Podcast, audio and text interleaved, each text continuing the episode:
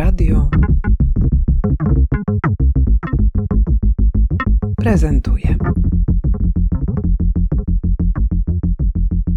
Zacznijmy od siedzenia na tej ławce w przyjemnym cieniu. To bardzo proszę, żebyś się przedstawiła.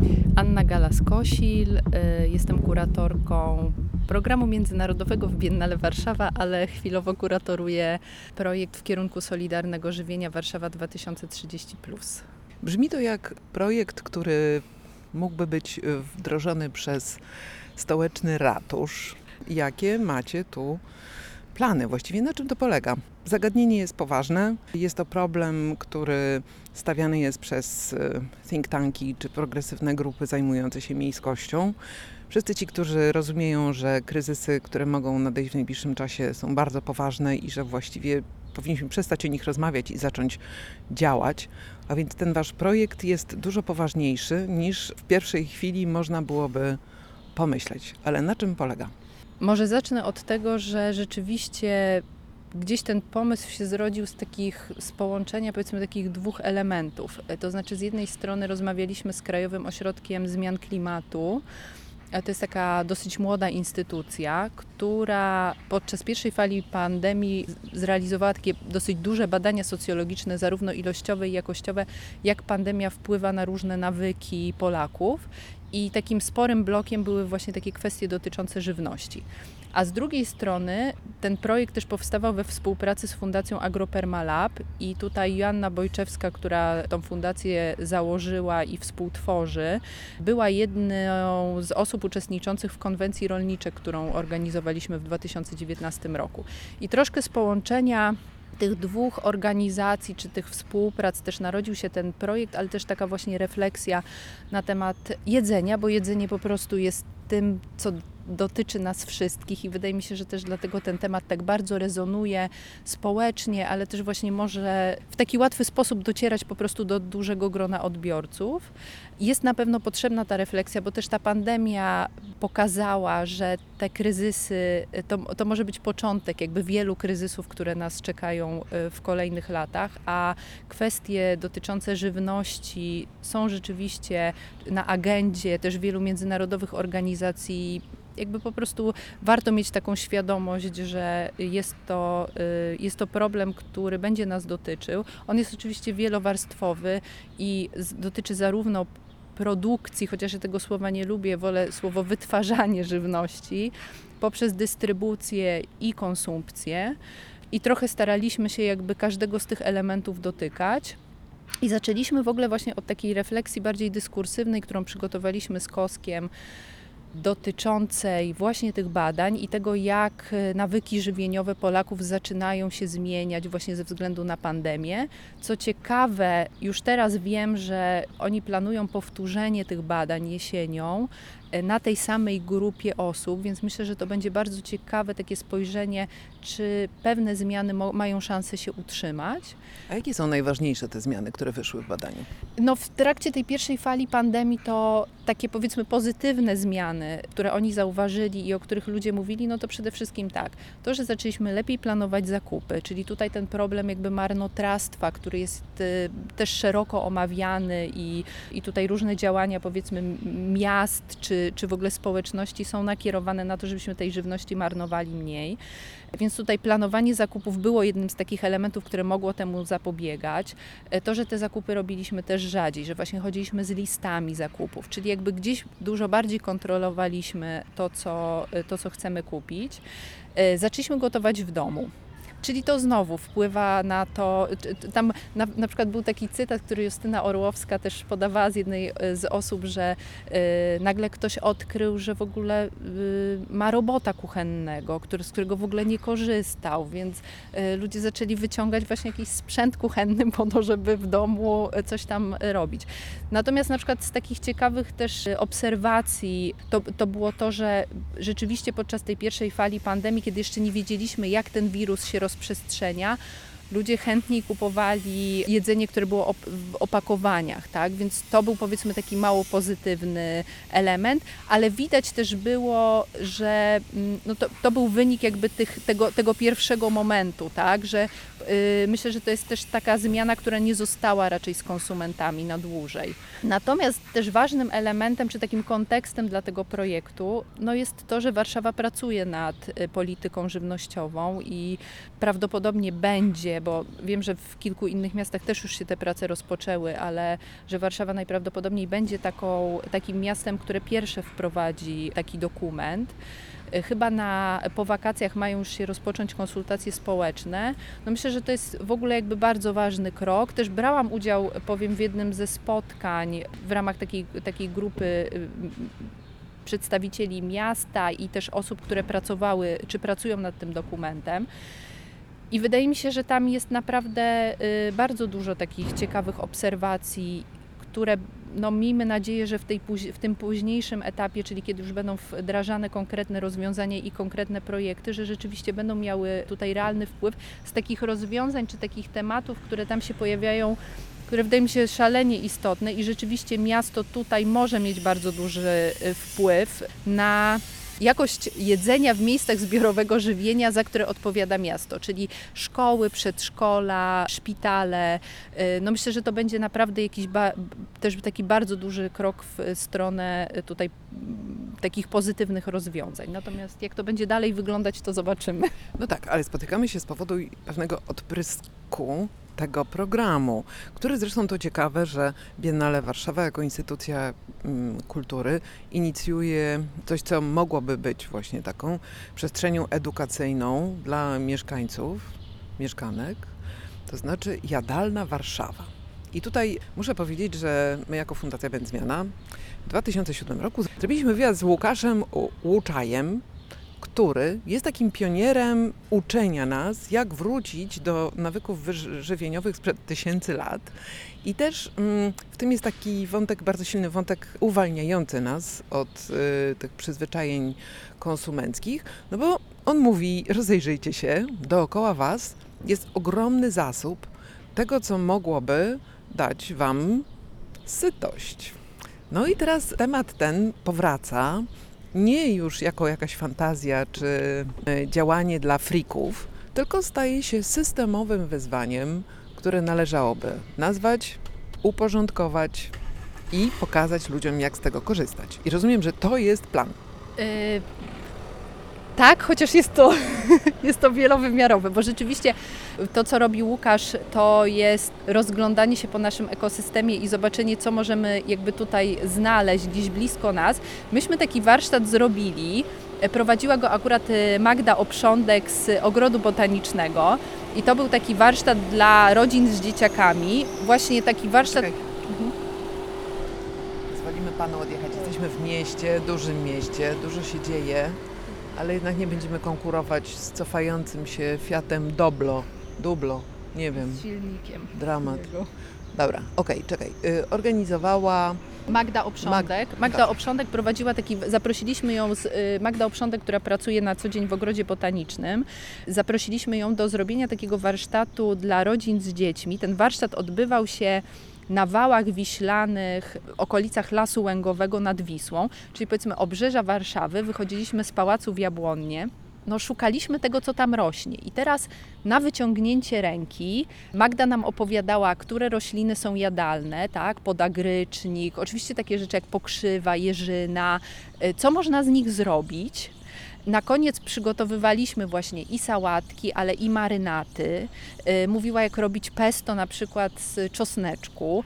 Po prostu te rzeczy są, tak? I to jest w ogóle jakieś bardzo ciekawe, że się wraca do tej wiedzy i do tego, że te rośliny po prostu gdzieś są, no może nie w samym centrum Warszawy, ale jednak możemy w mieście, wybierając się na taką wycieczkę wiosną, wykorzystać te okolice Warszawy i gdzieś sobie pozbierać te rośliny.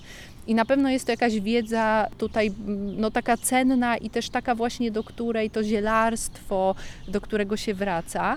Natomiast to hasło Jadalna Warszawa E, To jest też tytuł, czy Jadalne Miasto Warszawa, to jest też tytuł takiego dokumentu sieciowego, który w tej chwili przygotowujemy i który premiera będzie miał na koniec lipca. Natomiast tutaj troszkę potraktowaliśmy też ten temat y, szerzej, y, bo to jest taka historia pięciu inicjatyw, y, osób, które je rozwijają, które są w, istnieją w Warszawie albo są w pewnej relacji z Warszawą, które mogą nadać właśnie taki, mm, są powiedzmy takimi niszowymi inicjatywami, ale one mogą nadać właśnie jakiś zupełnie inny wymiar myśleniu o żywności, zarówno o y, wytwarzaniu tej żywności, jak i jej dystrybucji i konsumowaniu. Ja wymienię te inicjatywy, bo one od razu jakby pokażą nam, jakie to jest spektrum, więc trochę zaczynamy od takich y, istniejących już w, w mieście y, miejsc, jak ogród społecznościowy, jak rodzinne ogródki działkowe, które gdzieś troszkę mogłyby istnieć jakby w takiej relacji, czy, czy one są trochę takim lustrzanym odbiciem dla siebie, nawet bym powiedziała.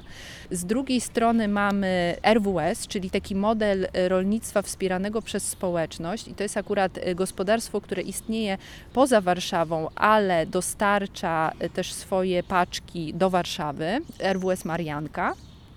Jest kooperatywa, czyli znowu takie miejsce, które w tym łańcuchu e, odpowiada właśnie za dystrybucję żywności, to, za to, żebyśmy, jeśli na przykład nie chcemy, czy nie możemy z jakichś powodów korzystać z e, takiej metody jak RWS, to idziemy na przykład do sklepu kooperatywy i tam wiemy, że mamy te produkty od ekologicznych, sprawdzonych y, y, dostawców.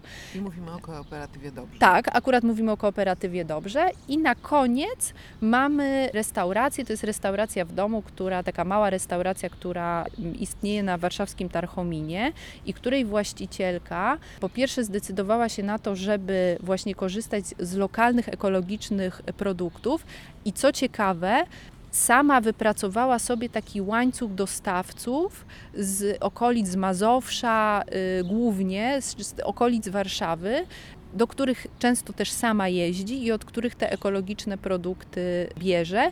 I to jest kuchnia taka właśnie bazująca na lokalnych produktach, więc nawet tak jak sama ona mówi, że y, zimą jest właśnie dużo, nie wiem, zakwasów, suszonych owoców, a, a, y, więc nie dostaniemy u niej szparagów zimą, tak? Więc znowu powrót do takiej, y, do takiej lokalności i sezonowości, bo to było dla mnie ważne, żeby też wybrzmiało gdzieś w tych historiach i rzeczywiście w tym całym projekcie to się pojawia, że czy będziemy szukać tych roślin? No też te rośliny muszą nam kiedy wiosną będziemy je zbierać, tak? Te rośliny gdzieś tam nad Wisłą, czy gdzieś właśnie y, na obrzeżach Warszawy, po to, żeby z nich zrobić różne rzeczy.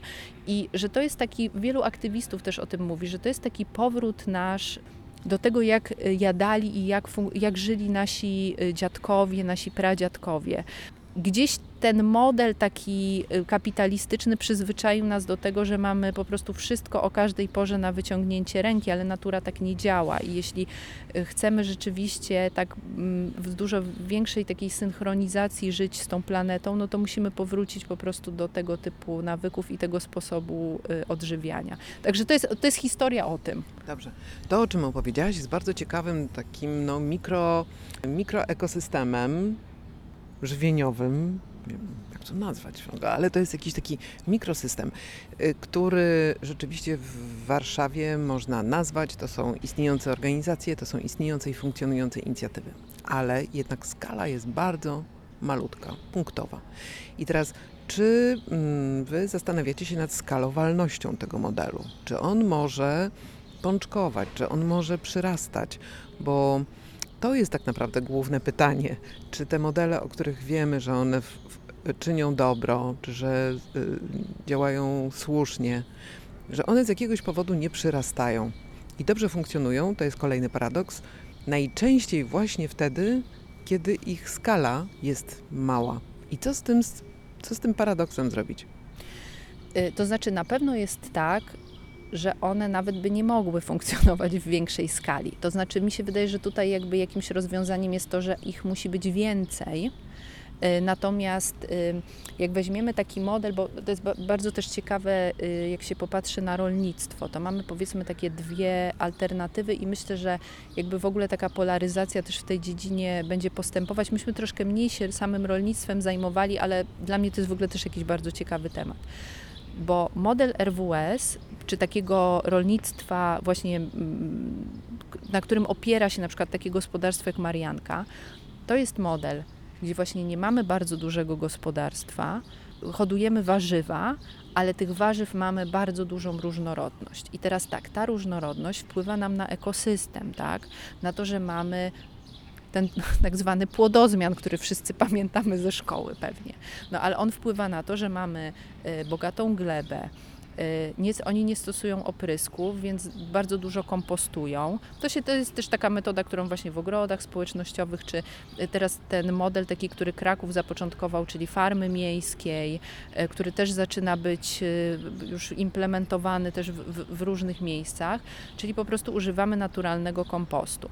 Też te metody takie permakulturowe, które dla nas były w tym projekcie, czy w ogóle jakby w całym tym projekcie interesujące, czyli że nie wchodzimy tak głęboko w ziemię mineralną, tylko właśnie jakby robimy te grządki często też takie podwyższone po to, żeby sobie zbudować y, jakby tą bazę właśnie na, na tym kompoście organicznym. A z drugiej strony no mamy, gos- mamy jakby rolnictwo przemysłowe, tak, monokultury, bo dużo się mówi o y, na przykład y, złych warunkach chowu zwierząt, bo to też na nas działa tak bardzo łatwo wizualnie, tak, widzimy, że te zwierzęta po prostu cierpią w tych klatkach, są stłamszone i tak dalej, ale z drugiej strony mało się mówi o monokulturach roślinnych, tak, że jak mamy na przykład kilka hektarów samej kapusty, tak, czy jakiegoś, nie wiem, soi, tak, akurat w Polsce nie, ale to jest ten przykład, yy, nie wiem, z Ameryki Południowej na przykład, gdzie mamy po prostu wycinki y, lasu amazońskiego pod wielkie monokultury soi, która potem jedzie do Ameryki, czy, czy nawet do Polski, żeby y, robić paszę dla, z niej paszę dla zwierząt, a potem te, ta, nie wiem, wieprzowina jedzie do Chin, także te łańcuchy dostaw są znowu bardzo długie i to są jakby jakieś ogromne koszty środowiskowe, zarówno od takich podstaw, zarówno dla gleby, jak i potem po prostu te koszty transportu, chowu zwierząt i tak dalej, i tak. I oczywiście te, te inicjatywy, ja, ja, mi też zależało na tym, żeby pokazać tą małą skalę, bo wydaje mi się, że też pewnym rozwiązaniem no, może być po prostu powrót do tego, gdzieś do szukania jednak i wspierania tych mniejszych inicjatyw. Jeśli wiemy już, że y, Unia Europejska y, w tym nowym programie dla rolnictwa będzie wspierała i będzie taki nacisk na właśnie mniejsze ekologiczne gospodarstwa. Też sporo się mówi o tym, że dla Polski to jest akurat spora szansa, bo my mamy te gospodarstwa bardzo rozdrobnione. Ale to jest jakby właśnie taki problem, bym powiedziała, wielowarstwowy, tak. Też dużo się mówi o tym, że Warszawa jest takim miastem wegetariańskim, bardzo wegańskim, co też jest jakby super, tak, bo jemy dużo roślin, na pewno ta dieta roślinna jest bardzo istotna, ale z drugiej strony y, ja się też w ramach tego projektu, no takie sobie zadawałam pytanie, czy właśnie lepiej zjeść tofu, które pochodzi z tej soi, prawda, gdzieś tam wyprodukowanej, może niekoniecznie w takich warunkach, jak byśmy chcieli, i jeszcze przyjechała do nas po prostu y, zostawiając ogromny ślad węglowy, czy może zjeść ekologicznego kurczaka z Mazowsza, który miał ten czas, żeby dorosnąć. I jak zjem tego kurczaka raz na dwa tygodnie, to może to będzie lepiej niż zjem to tofu, tak? Oczywiście mm, ja też nie uważam, wydaje mi się, że też powinniśmy taki balans jakby dobry w tym znaleźć, bo to też nie chodzi o to, żebyśmy nagle jakby zrezygnowali ze wszystkiego. Też bardzo mi się podoba taka filozofia, która w kooperatywie dobrze jest obecna i oni jednak uważają, że jest część konsumentów, która pójdzie po te produkty, kupi, będzie chciała kupić awokado co jakiś czas, tak, jakieś banany i tak dalej. I że fajnie, jeśli będziemy mieć te produkty, ale właśnie ze sprawdzonych źródeł, z jakiegoś takiego fair trade'u, który też zapewnimy naszym konsumentom po prostu jakość tego i też y, y, y, taką, takie poszanowanie po prostu skąd to jedzenie i to pożywienie pochodzi. Zależało mi na tym, żeby pokazać takie inicjatywy w małej skali, które mogłyby się rozrastać, jakoś pączkować i mogłyby być inspirujące gdzieś dalej dla innych, że te modele działają i że nie musimy się tych modeli bać, możemy jakby one istnieją i możemy jakby poszukiwać też tych alternatyw. Teraz jeszcze wróćmy do tego dokumentu. To jest taki dokument, który jest właśnie opowieścią czy rozmowami z tymi bohaterami.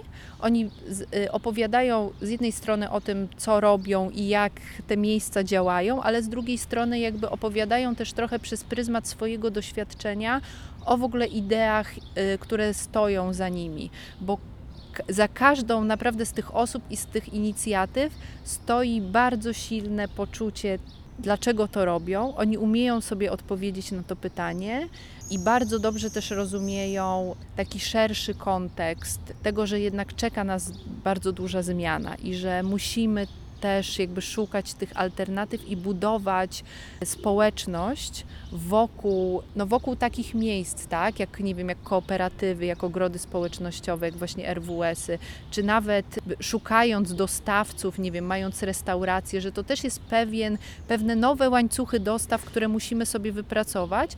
I bardzo ważnym elementem, który tam wybrzmiewa też, rzeczywiście w, w, w każdej z tych wypowiedzi, że ci wszyscy ludzie wiedzą skąd to jedzenie pochodzi.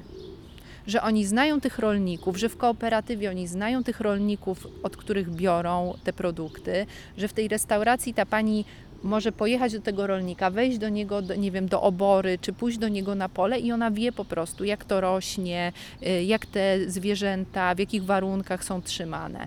Że w RWS-ie tak samo, po prostu odbierając paczki co tydzień, to też jest spotkanie z pewną społecznością, która jest zbudowana wokół tego. I, I to wydaje mi się bardzo cenne też w takim kontekście postpandemicznym, że gdzieś my byliśmy znowu bardzo oddzieleni od siebie, że brakuje nam tych relacji i że być może to też będzie jakaś szansa na przewartościowanie naszego sposobu funkcjonowania i, i też zastanowienie się, w jaki sposób i w jakich wspólnotach my chcemy funkcjonować. Fajnie. A teraz e, część druga. Idziemy szukać tego, e, spójrzmy, spójrzmy takim wzrokiem.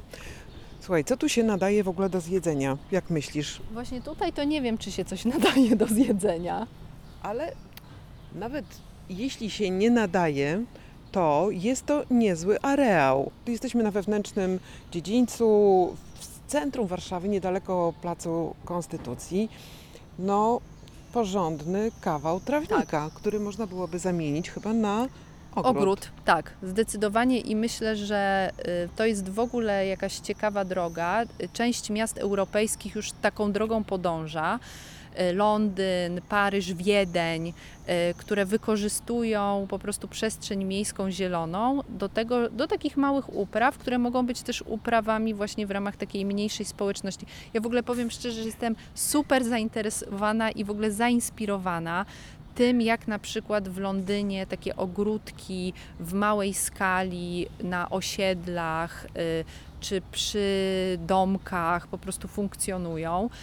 I to nie tylko jakby y, hodowanie, ale na przykład mi się marzą w Warszawie po prostu osiedlowe kompostowniki, szczególnie na małych osiedlach.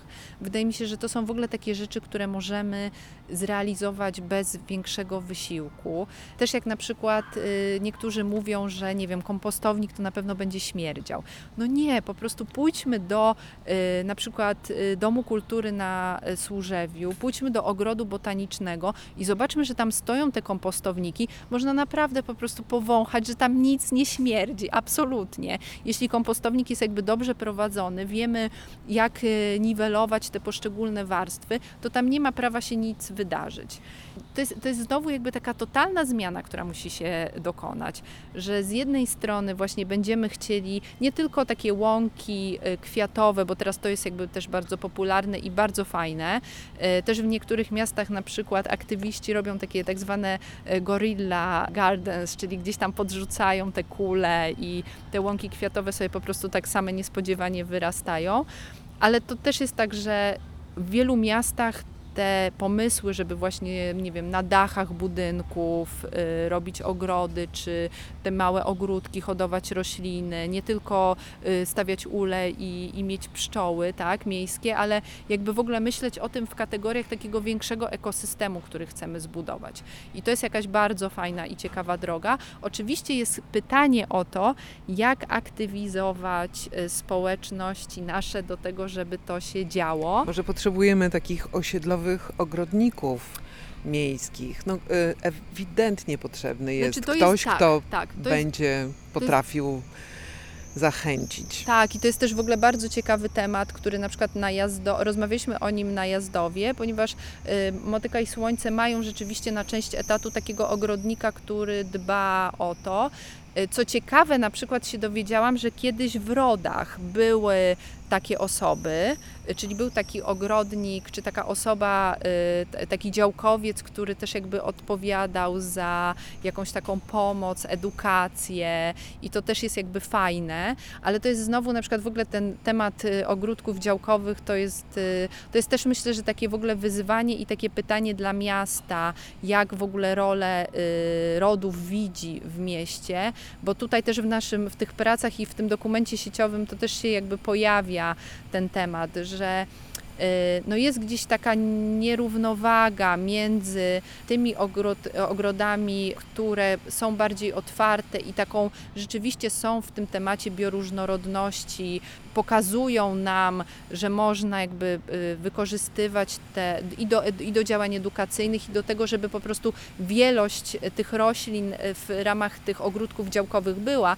no ale z drugiej strony mamy cały czas ogródki, w których wycinany jest starodrzew, tak, właściciele jak kupują, to po prostu przyjeżdża y, glebogryzałka i tam wycina wszystko, trawa z rolki, jak to nasza pani Hania mówiła i no i to jest jednak smutne i pytanie jest właśnie, jak jednak pracować y, w takich miejscach i z tymi społecznościami, żeby to były rzeczywiście takie, z jednej strony takie miejsca, do których warszawiacy mogą przyjść, ale z drugiej strony właśnie, bo są, są na przykład na Mokotowie y, ogródki działkowe, które są otwarte dla mieszkańców Warszawy i można po prostu przyjść na spacer, ale z drugiej strony no, jak idziemy tylko główną aleją, a tu mamy po prostu każdy ogródek obsadzony i odgrodzony tujami, a za nim jakby jest tylko trawa, no to też nie mamy takiego poczucia, że to są miejsca jakoś przyjazne mieszkańcom i że możemy po prostu takie przestrzenie tworzyć wspólnie.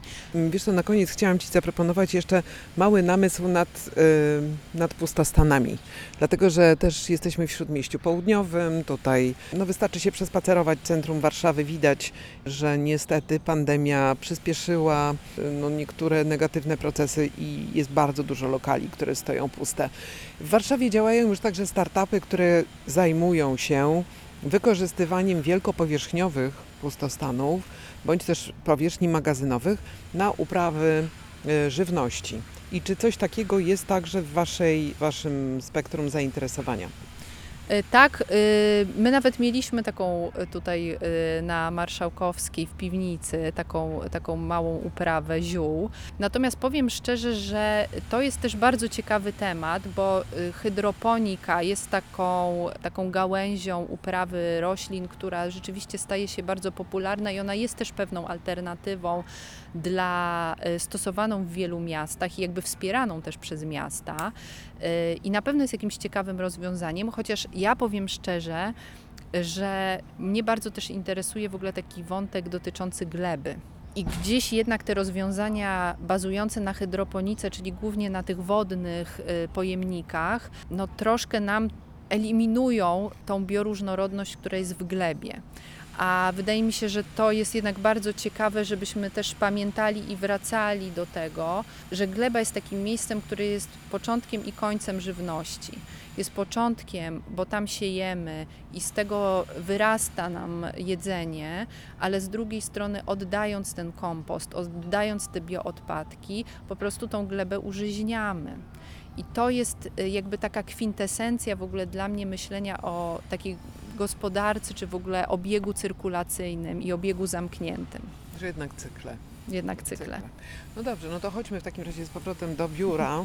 Po tej małej inspekcji, ona nie wypadła najlepiej, muszę powiedzieć, no ale rozumiem, że to początek jakichś Być może ten Ale, wasz... s- ale są takie miejsca już w Warszawie, na przykład, y, no akurat Motyka i Słońce to jest też jazdów i cały kontekst jazdowy, ale na przykład wspaniałym miejscem jest Fort Bema, gdzie też jest taki ogród społecznościowy, właśnie stworzony przez mieszkańców. I w ogóle taka przestrzeń rekreacyjna też dla, y, dla wszystkich, którzy tam chcą, y, chcą przyjść i po prostu się zrelaksować, ale też uczestniczyć jakby w tworzeniu tego miejsca.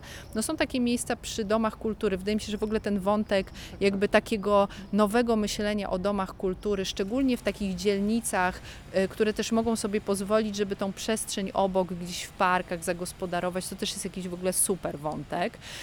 Y, Także te miejsca są i, i myślę, że no właśnie dla mnie też ciekawe jest to wracanie, bo bez społeczności tego nie zrobimy. Znaczy miasto może nam wspierać pewne działania, właśnie na przykład poprzez, nie wiem, y, miejskich ogrodników, którzy by też tymi y, terenami się mogli zajmować, bo na pewno to jest problematyczne, że w takim miejskim stylu życia, no y, nie zawsze codziennie mo- możemy się zająć o to, o, zająć się tym, żeby dbać o, o, o takie ogródki, więc takie osoby na pewno byłyby cenne, ale z drugiej strony jeden z naszych bohaterów y, powiedział, i będzie to można, będzie to można usłyszeć w naszym webdoku, że gdyby ludzie mniej pracowali w tych korporacjach, cytuję to, gdyby ludzie mniej pracowali w tych korporacjach, a kilka godzin, jedną, dwie godziny dziennie poświęcili na uprawę swoich własnych warzyw, to mieliby tyle jedzenia.